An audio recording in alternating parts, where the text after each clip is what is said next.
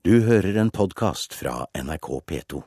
Jeg hadde en del sånne lengre episke historier som jeg presenterte for diverse forlag som lo meg opp i fjeset og sa norske tegneserier, ha, hva skal vi med det? Det skrek egentlig etter en fornyelse, seriemarkedet på 90-tallet. Og hadde ikke disse norske nye seriene kommet da, så tror jo jeg at tegneserien hadde ligget helt på sotteseng i Norge nå. Det, det er faktisk en tanke jeg tenker først nå når jeg sitter og ranter om det her og nå. De norske seriefigurene kom, og de ga oss tusenvis av striper vi kunne le av, identifisere oss med og henge opp på kjøleskapsdøra.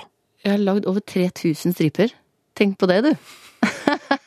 Agenten hans gikk vel ut, faktisk, og hevdet at Pondus produkter hadde omsatt for 500 millioner siden serien oppsto. Og hvis agenten hans sier det, så skal ikke jeg bestride det. Denne utgaven av Kurer skal handle om den norske stripesuksessen. Kurer, P2s mediemagasin. Før vi begynner på den historien, kan det være greit med en liten oppklaring. Tegneserier er så mangt, og det er ikke alle typer serier som er med på den norske tegneseriebølgen. Det vi snakker om i denne sammenhengen, er stripeseriene. Vi skal la Pondus-redaktør Tormod Løkling hjelpe oss med forklaringa. Tegneseriestripen er jo en veldig gammel oppfinnelse som stammer fra USA, hvor de i avisene så vil de ha én liten tegneseriesnutt hver dag, og dette var jo ofte for folk, immigranter, som ikke kunne lese så godt. Men eh, fikk de da en sånn liten stripe med, med bilder og litt tekst hver dag, så, så hang de med. Så tegneseriestripen er en over 100 år gammel oppfinnelse fra, fra USA, rett og slett. Da har vi den på plass. Vi skal komme tilbake til det her med stripeserien, for det var ikke alle som syntes det var like lett å skulle begrense seg til å lage underholdning fire ruter av gangen. Men før vi kommer så langt, så skal vi høre litt om hvordan det sto til i bladkiosken sånn ca. 1995. Så uh, var det nesten bare amerikanske familieserier, veldig tannløse ting. Uh, og folk var kanskje sultne på noe annet den gangen. Noe som speilet en norsk virkelighet litt mer enn livet i de dype bengalskogene med, med trikot med underbuksen utenpå. Og det skrek egentlig etter en fornyelse, seriemarkedet på 90-tallet. Og hadde ikke disse norske nye seriene kommet da, så tror jo jeg at tegneserien hadde ligget helt på sotteseng i Norge nå. Det, det er faktisk en tanke jeg tenker først nå når jeg sitter og ranter om det her og nå. Og så kom jo Tommy og Tigeren og var et friskt pust, men så ga Bill Watterson seg å tegne. Og hva i all verden skulle vi gjøre da for å ha en eh, jobb? Da måtte vi jo se oss om rundt i Norge og se om det var noen flinke folk. Og, og heldigvis, det var det jo. Det var jo ikke vår fortjeneste at de kom frem eh, i forlagsmiljøet, men det fantes eh, flinke folk der, og de, de ville ting. En av dem som ville ha fram, var Pondus. En fotballgal bussjåfør, glad i øl, tungrock, tippekupongen, familien og sin bestekompis Jokke. Serieskaper Frode Øverli var slett ingen nybegynner. Han hadde allerede tegna humorserier for det litt drøye bladet Pyton, f.eks. om rockebandet Deep Shit Junkies. Men da humorbladet Pyton la ned, benytta Øverli anledninga til å lage en seriefigur som var litt mer lik seg sjøl. Suksessen kom kjapt. Altså, Det var et blad som het Ørn, som begynte i 1996. Og Der sendte Frode inn den ferske serien sin Pondus, som han hadde begynt å sysle med på tampen av 1995. Og Det ble jo raskt en av de mest populære biseriene i Ørni, og plutselig så hadde den liksom eh, tatt over scenen helt og dyttet eh, hovedrolleinnehaveren ned fra scenen ned i orkestergraven, og, og sto alene igjen på scenen og måtte få et eget blad. Så må vi heller på ingen måte glemme Nemi, som oppsto omtrent eh, samtidig her. Som var, eh, har vært en virkelig foregangskvinne, både Lise Myhre, da, som skapte dette her, og, og Nemi selv. Lise Myhres Nemi handler om, ja, nettopp Nemi. En fantasirik, sortkledd og godhjerta jente i 20-årene som trives med metall på øret, øl i glasset og full godteriskål. Lise Myhre starta sin karriere i flere norske blad, med varierende hell. Eh, jeg hadde en litt sånn uheldig streak også, fordi alle bladene jeg var borti, de gikk eh, på mystisk vis konkurs, eller i hvert fall slutta etter min første Jeg, jeg tror jeg la ned Det føltes i hvert fall sånn. Fem-seks eh, blader. Norske Pyton, Mad. Jeg fikk liksom vært med i, i siste utgaven av veldig mange ting. Eh, og så var det um, Larsens kalde verden, hvor jeg hadde Nemi på trykk for første gang i sommeren 97. Og så balla det på seg derfra. Derfra pekte pila oppover. Men det er klart, suksessen kom ikke over natta. Jeg hadde type 17 forskjellige jobber. Eh, var bartender, bokkonsulent, vaskehjelp. Eh, hadde eh, veldig masse forskjellige strøjobber. Jobbet som illustratør ved siden av, det har jeg alltid gjort. Men stort sett bare sulten frilanser som tok alle småjobbene som jeg fikk hendene mine i. Både Nemi og Pondus fulgte på mange måter den samme stien. Først populær biserie hos amerikansk serie.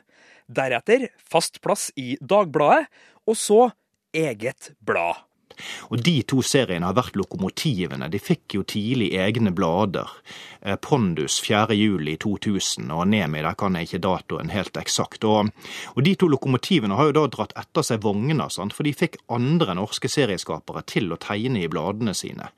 Eh, Mats Eriksen med M, Torbjørn Lien med Kollektivet, eh, Rex Rudi og Thomas Treffelin i, i Nemi. Masse ting. Og nå fornærmer jeg en haug med mennesker sant, som jeg, jeg, glemmer her jeg sitter. Men um, de to seriene var lokomotivene og dratt etter seg en masse vogner. Altså fra 1996 via 2000 og utover. Ja, ja, ja. Nei, da, her har vi jo bare et lite utvalg. Da. Her har vi, jo vi er på besøk hjemme hos tegneseriekritiker og forfatter Morten Harper. Han er glad i serier, han. De siste ti årene så snakker vi vel om en halv million. da. Du har brukt en halv million kroner på tegneserier de siste Siste ti årene? Ja, jeg har nok faktisk det. Hva sier madammen? Nei, hun er jo Syns det er helt uh, greit, det, hun. Harper vil føye til enda et viktig element som la til rette for de norske tegneseriene. Eh, da går vi tilbake til 1990, hvor Kulturrådet starta sin ordning med å støtte produksjon av nye norske tegneserier. Og Det er jo en ordning som har hjelpa alle typer norske tegneserier.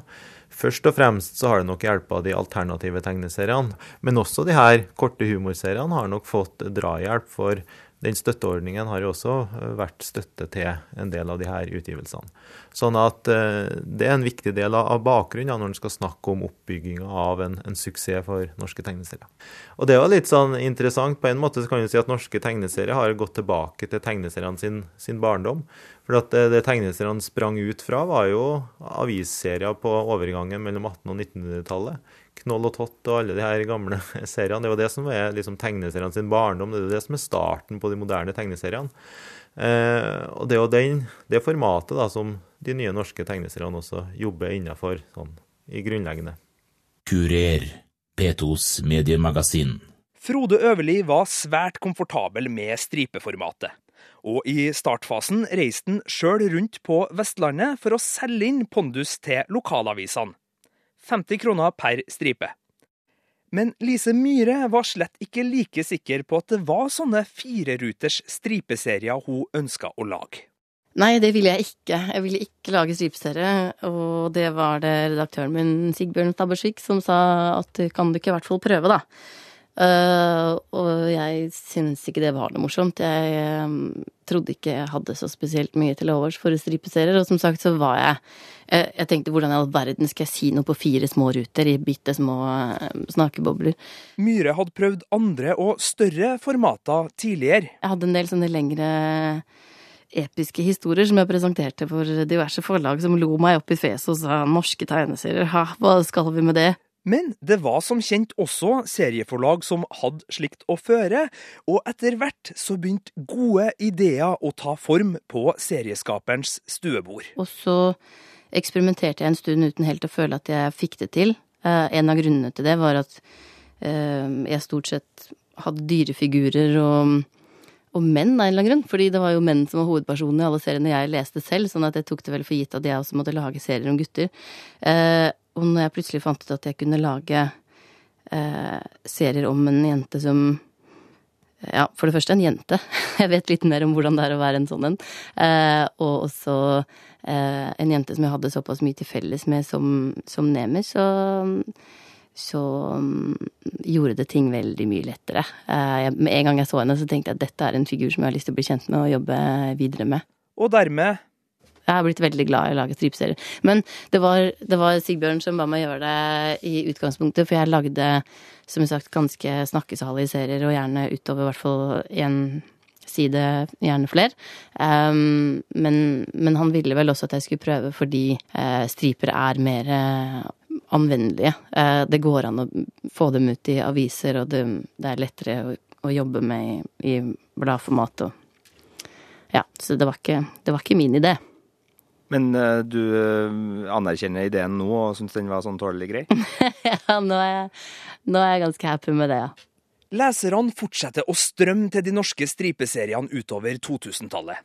Og også seriene M av Mats Eriksen, Eon av Lars Lauvik og Kollektivet av Torbjørn Lien får egne blad.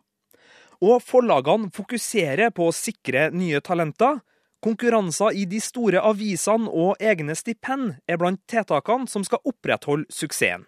Mangeårig tegneserieredaktør Tormod Løkling har vært med hele veien. Bransjen reagerer jo sånn som man kan forvente at den reagerer. At uh, den, den, reiser seg og snuser ut i luften og tenker å shit, er det penger å tjene på norske serier også? Dette, dette må vi få med oss. Hvem, uh, hvem, har kunnskap om dette? Hvem driver med dette? Hvem kan vi ringe? Hvem er den neste store? Plutselig så snudde vi jo disse store søkelysene våre fra statene og mot Norge, og begynte å lage konkurranser. og faktisk svare på mailer og telefoner fra folk som ringte inn, som vi ellers kanskje ikke hadde hørt så mye på, og, og tenkte en av disse kan sitte med det neste gullet, en av disse kan komme ut med det neste bladet. Og, og det har vi drevet med i mange år nå, så vi faktisk lett innenlandsk, eh, nesten utelukkende, egentlig. Hva konkret gjorde eh, forlagene for å ivareta suksessen? Eggemont serieforlaget, der jeg jobber, vi har jo avviklet flere konkurranser i samarbeid med, med Dagbladet, eh, hvor vi ber om eh, at serietalenter skal sende inn. Og Der har det vært høye pengepremier, og vi har fått tilgang på store kataloger med bidrag. Og Børge Lund, for eksempel, han vant jo på ingen måte det året han sendte inn. Han kom faktisk et godt stykke ned. Eh, ble plassert et godt stykke ned. Var, jeg tenkte at det var synd hvis du skulle bli med dette, da. Og ja, jeg så, en, jeg så at jeg hadde en mulighet til å, til å gjøre ting bedre. jeg det her er Børge Lund. Han lager Lunsj, en av de ferskeste norske stripeseriene. Serien handler om livet på kontoret, og har den temmelig udyktige og brautende Kjell som en av hovedfigurene. Lunsj går i både Dagbladet og i Pondusbladet, og Lund sitter nå og tegner på sitt album nummer tre. Nå må det for ordens skyld nevnes at Lunsj faktisk ble nummer to i Dagbladets seriekonkurranse, så så veldig langt ned på lista havna han ikke. Men det endte uansett med at Lund fikk god hjelp til å utvikle serien sin på um, nettstedet til Pondus, pondus.no. Der er det en spalte som heter Rogers venner, hvor folk kan sende inn og få råd og tips og slakt og kritikk. Og Børge Lund la ut tingene sine der, og fikk oppfølging der. Så både ved hjelp av nettet og konkurranser eh, har vi fulgt opp og prøvd å monitorere norske serietalenter.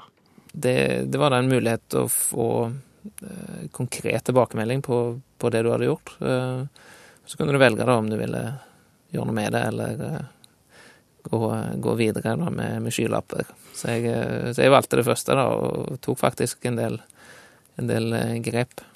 Hvor konkret er tilbakemeldingene, eller hvor ubehagelig kan tilbakemeldingene på en tjeneste som Rogers venner være for en ung serieskaper?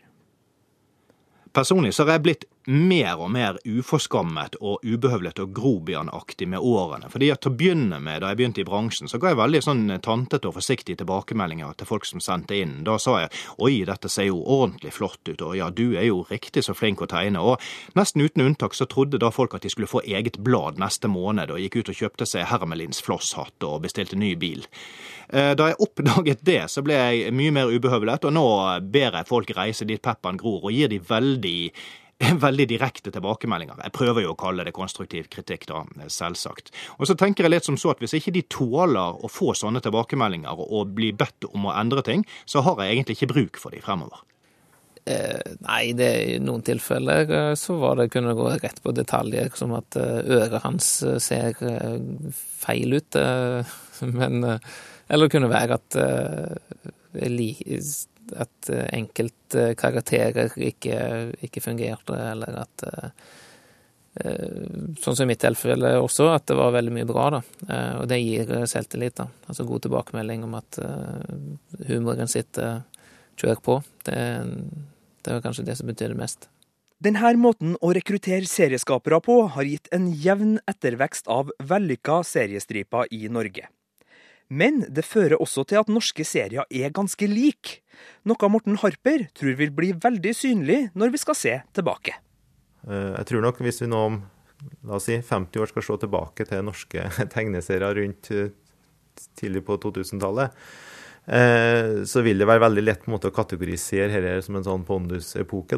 fordi at det er serier som ligger ganske sånn tett opp til den, det uttrykket som Pondus står for. Og det er ikke til undervurdering av de andre. Alle har et særpreg. Men de er på en måte utvikla innenfor eh, en, en, ramme da, som Pondus har lagt mye føringer for, mener jeg. Og det ser man også tydelig i en av de nyere seriene, sånn som Lunsj er jo også veldig mye slektskap til Pondus, vil jeg si. Det er stripeformatet, litt over streken-humoren og de tydelige figurene Harper mener er fellestrekkene for stripeseriene som lykkes. Og det er helt klart en del tydelige kjennetegn som går igjen. Fellesnevneren for den norske stripeserien det er vel kanskje to ting, sånn som jeg ser det. Det ene det er utskuddet, underlureren. sant? Altså, Amerikanerne har superhelter, i Norge har vi antihelter. I, I, USA så er det Mickey Mouse som er mest populær, do-gooder-fyren, Goody Two Shoes. I Norge er det Donald, han som faller utenfor. Den andre tingen er at det er mye skarpere satire i de norske seriene. Man kan tillate seg mer, man kan være slem, man kan være grov, man kan fleipe om sex. Men har norske stripeserier noe budskap? Er det noe serieskaperne vil fortelle oss? Ikke ta ting så høytidelig. Le og ha det gøy. Jeg håper du koser deg. Det er det eneste budskapet. Nemi er kanskje den som stikker seg ut eh, i forhold til dyrevern. Jeg har jo vært veldig tydelig på det. Eh, ellers så er det jo lite sånn, politisk å hente ut av de norske seriene. Det er kanskje altså, noe jeg eh, syns norske serieskapere godt kan utfordres på. At man mer også svarer på ting i samtida si. At man ikke bare lever i sin egen lille boble, men at man også kommenterer eh, ting og tar standpunkt. Eh, men kan det, altså er en del av suksessen kanskje fraværet av en del sånne ting? Altså, eh, du skal ikke se bort ifra det.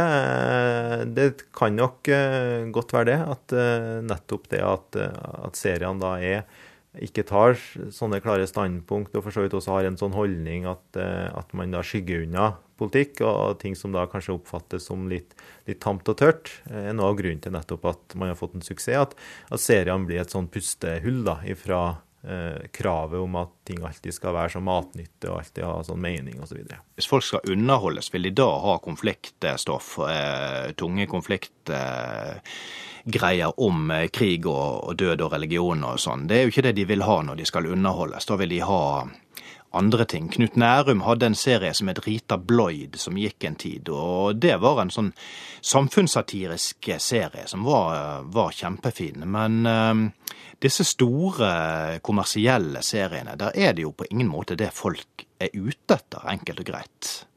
Ja, Vil det være bortimot umulig å få til en serie som både har samfunnsbrodd og som slår an i store opplag? Nei, og det håper jo jeg egentlig kommer, men da må den være turnert så ufattelig bra at du greier å selge den til folk uten at de skjønner at de blir pålurt noe fantastisk bra og satirisk og tankevekkende, og at de samtidig ler.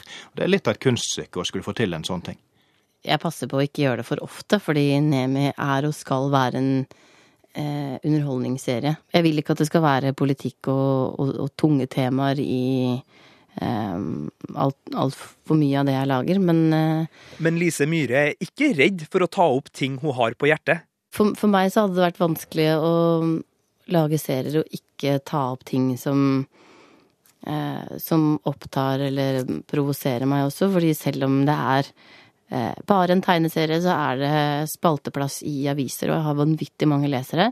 Um, og så er Nemi en figur det passer å gjøre det med. Så hun har det er jo en av de tingene vi har, har til felles. Hun, hun, engasjerer seg i ting og, uh, og hisser seg opp over ting, ikke minst. Kurer, P2s mediemagasin. Lise Myhres noe hissige, men veldig rause venninne Nemi er blant seriene som også leses i andre land. Men sjøl om også Pondus er oversatt til flere språk, har ikke de norske figurene tjent noe særlig penger utenfor landets grenser. Som eksportvare har nok ikke norske serier lykkes på langt nær like godt som innenlandsk. Og det er et interessant paradoks når de faktisk er så bra. Eh, Pondus, eksempel det svenske Pondusbladet, som, som jo fins, det eh, har vel et opplag som kanskje er en sjuendedel av det norske. Pondus er jo en veldig god underholdningsserie, men den er kanskje ikke så genial igjen som man kan få litt inntrykk av i Norge. Eh, sånn at den er jo i all hovedsak et, et, et, et hjemlandsk fenomen, da, når man tenker på den enorme suksessen i hvert fall den har opplevd. Hvor stor eksportsuksess har norske serier hatt de siste 15 årene? Eh, I liten grad kan man snakke om en eksportsuksess, men det finnes noen enkelteksempler.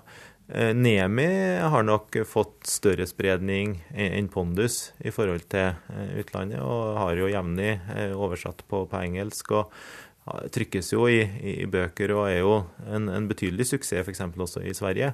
Eh, mens eh, hvis en skal snakke om eksport av norske tegneserier, så er det jo litt annen type serier som har fått større spredning. og ikke minst anerkjennelse. Uh, en serieskaper som Jason, som jo jobber en helt annen eh, stil og sjanger da, enn Pondus, mye mer lavmælte serier. Han er jo den serieskaperen fra Norge som har fått størst utbredelse. Er jo utgitt da, på en rekke forskjellige språk, og også vunnet priser både i Frankrike og i USA. Vi har i hvert fall blitt en ganske selvforsynt nasjon på stripefronten. Og det norske seriepublikummet, ja, de kommer i alle aldre og fasonger. Og de to første eh, menneskene i køen var en black metal-kar som sto der mm, full av nagler og patronbelte og hele pakka. Han var 17 år gammel. Og damen som sto aller først i køen, eh, foran han igjen, det var en pensjonert dame. Og begge to skulle kjøpe bladet til seg selv.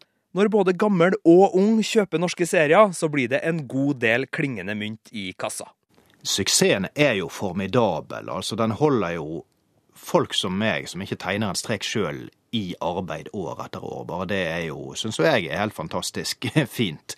Og det har vært gjort regnestykker. Altså, Frode Øverli er slett ikke glad i at man går ut med, med regnestykker, men uh, agenten hans gikk vel ut faktisk og hevdet at Pondus produkter hadde omsatt for 500 millioner siden serien oppsto. Og hvis agenten hans sier det, så skal ikke jeg bestride det. Det ser jo ganske lovende ut for framtiden også. Både kritiker Harper og redaktør Løkling er ganske enige om at vi nå ser starten på en ny stor seriestripe. Børge Lund med lunsj er jo Norges nye store stripesuksess, helt uten tvil. Den er fantastisk bra. Og mannen, han er jo han er jo ikke noen sånn bleieunge heller. Han er vel 37-38 år gammel, men han utvikler seg fremdeles som tegner. Han viste meg nylig en spesialhistorie til et album som kommer ut i sommer, og, der var han radikalt mye bedre å tegne enn han var bare for et halvår siden. Og sånt varmer jo mitt hjerte når en eh, mann med tre unger og uh, utdannet industridesigner fremdeles forbedrer seg. Ikke sånn vakkert, det er helt fantastisk og strålende. To sekunder. Det skjedde, skjedde noe utenfor vinduet her. en ny strupe på gang? Ja, jeg tror kanskje, jeg tror, jeg tror kanskje det. Uh, skal vi se. Det gjenstår å se om NRKs studiolokaler i Stavanger ender opp i en av Børge Lunds lunsjstriper. Hovedpersonen sjøl er egentlig bare utrolig fornøyd med å havne på trykk. Nei, jeg var, jeg var stolt rett og slett. Det var, det var, det var på en måte en eh, Jeg var kanskje ikke Jeg var kanskje enda, enda mer stolt uh, når jeg var 14 og hadde, hadde en Fantomet uh, En dårlig Fantomet-vits i Fantomet-klubben uh, som jeg hadde tegnet. Men, men det var noe eget, altså, å få se sin egen figur i Ja, på, på ekte papir. Og, nei, veldig godt. Hvordan var den Fantomet-vitsen? Den var like eh, dårlig i dag som den var da. Husker du den? Ja. Kan jeg få høre? Nei, det var Fantomet som, eh, som skal kjøpe verdens minste kalkulator. Det kun, men det var kun én eh, ulempe, det var at han gikk på verdens største batteri. Så så god var den. Børge Lund vitser fremdeles om kontorredskap. Og kanskje er det nettopp kontorhumor som kan gjøre norske striper populær ute i den store verden. Lunsj og hissigproppen Kjell har nemlig allerede rukket å havne i Mexico. Den første stripa de, de brukte, det var faktisk den, den eneste stripa om uh, korrupsjon, da. Så nei, jeg vet ikke. Han uh, Det er kanskje noe universelt over hans måte å være på, jeg vet ikke. NRKs programarkiv, avdeling radio. Til slutt i Kurer skal vi ta turen tilbake til år 2000. Kanalen er NRK P3, programmet er Kaliber, og Nemi-skaper Lise Myhre anmelder det rykende ferske Pondus-bladet. Først og fremst er det bare veldig profesjonelt eh, lagd. Det er veldig, veldig sikker eh, strek og veldig Altså, man ser at han har holdt på en stund og er veldig, veldig dyktig og dreven på å kombinere tekst og bilde og få det riktige uttrykkene og riktig flyten. Det er eh, også en fin samling med andre med biserier innimellom eh, Pondus her. Og så er det Nei, bare jevnt over veldig bra. Hvis jeg først skulle hatt noe å utsette, så måtte det vel bli at eh, det kunne gjerne vært eh, flere sider i bladet, og det kunne kommet ut kanskje én gang i uka istedenfor en gang i måneden. Du har hørt en podkast fra NRK P2.